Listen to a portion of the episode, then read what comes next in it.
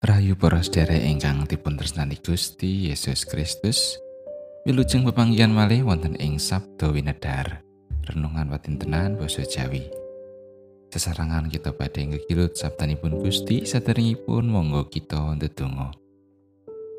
Gusti Allah Rama kawula ingkang wonten ing swarga. Kepareng kawula sowan wonten ing ngarsa paduka. Kawula ngaturaken puji lan panuwun. Awit pangreksa tuwin pangrimat paduka ing sauruting gesang kawula. Dalah gesanging pasamuan-pasamuan kagungan paduka. Saestu doala ingkang maha mirah. Dumugi ing titi wanci menika kawula sami tansah ngraosaken lubering berkah paduka. Lumebet ing wulan September kelahewu kali likur inggih menika wulan kategese liturgi kangge pasamuan-pasamuan kagungan paduka ing tlatah sinode GKJ kawula sami nyuwun panganti lan berkah paduka supados saged sarangan sinau mlatelaken pangibadah sejati lumantar gesang saben ari. Kanthi mekaten Rama kersa paduka tansah kelampahan menapa dene asma paduka tansah keluhuraken? Sakataing dosa kelepatan kawula mugi Gusti kersa ngapunteni wonten ing asmanipun Gusti Yesus Kristus kawula ndedonga amin Waosan dinten menika kabenet saking Yeremia bab bangsal welas. Ayatipun sedasa dumugi selikur. Ciloko kula menika duh ibu dene panjenengan nglairaken kula tiang ingkang dados wijining paben lan garejegan tumrap tiang sanagari kula sanes tiang ingkang nyambutaken utawi tiang ingkang nyambut dhateng sinten-sinteno nanging sedaya sami nyupaosi kula saestu dosang yewah. Kawula sampun ngatusi paduka klayan tumemen sanget lan sampun belani mengsah wonten ing ngarsa paduka. Ing wekdal nandang bilai lan karupekan. Apa wong bisa mutung wesi? Wesi saka ing tanah lor lan tembogo kasugian lan raja brananira bakal sun ulungake dadi rayahan. Minangka ganjaran tumrap saking dosanira ana ing saindenging tratahira sira bakal sundadekake kawulane mungsuhira ana ing negara kang ora sira sumurupi. Amarga bebentuning sun wis metokake geni kang mulat-mulat ngenani sira. Dosang yiwah patuko sampun nguningani bab menika. Mugi ngetono lan galiyo dumateng kawula. Patuko mugi kersa malesaken kawula. Tumrap tiyang ingkang sami bujeng kawula sampun ngantos paduka kandelaken kawula dipun pendet amargi agenging kesabaran paduka. Mugi paduka uningani. Bilih anggen kawula cinampan menika margi saking paduka. Samangsa kawula pinanggih kalian sabda pangantika paduka. Lajeng kawula raosaken nikmatipun. Pangantika paduka menika tetes kapingan kawula. Saha nyenengaken manah kawula.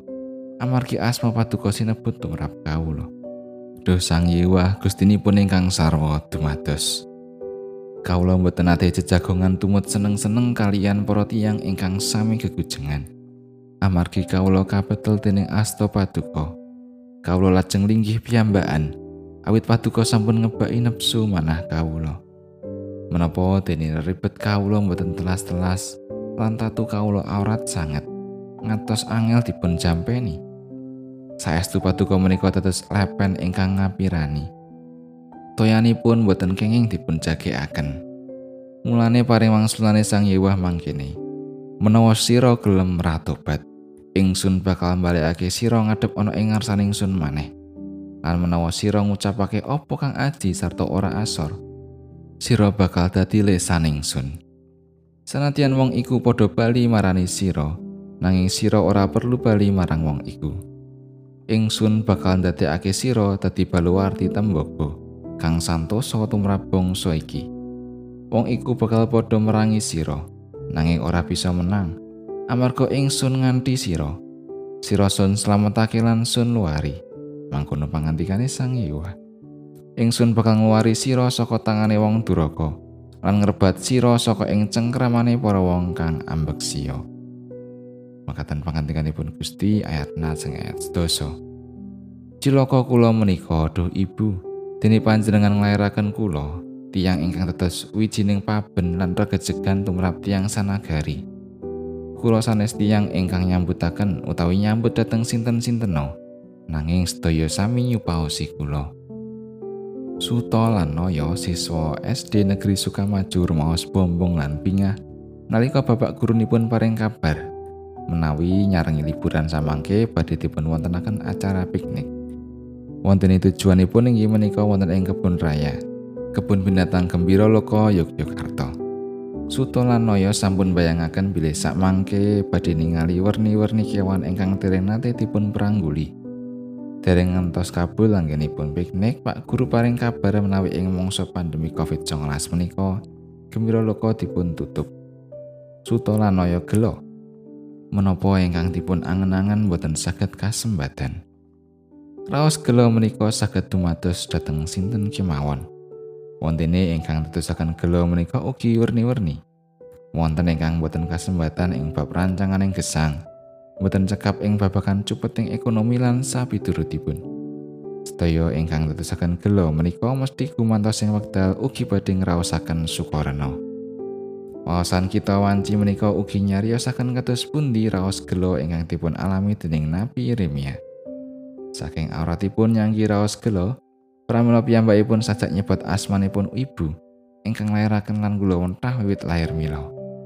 Cekaipun Yeremia matur, "Ngopo kok dadak lahir ing jagat iki?" Keng menapa Yeremia gelo? Awit piyambakipun sampun rumaos lelati kagem Gusti lumantar anggenipun paring ulang wuruk dhateng Israel. Ananging katampik dening tiang-tiang Israel kala wau. Gusti Allah mireng pas sambatipun Yeremia lan tumunten prasetyo. Bila Yeremia samangke dipun kiyataken dening Gusti piyambak. Menawi ing tengahing gesang kita ugi dukul raos gelo dateng semah, putra, tonggo tepali, masyarakat, pasamuan, awit peladosan kita mboten katampi. Sumangga kita ngungsi dateng Gusti. Murih antuk kegiatan anyar. Amin.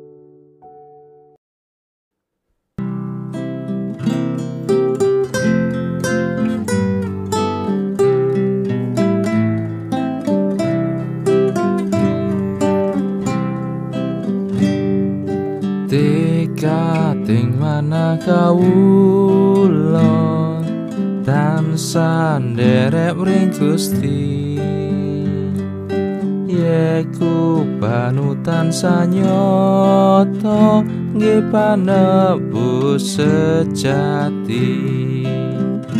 Markining salebing ngambah bangun turut mring Allah babarkan no sejati Mrejaka tantrem basuki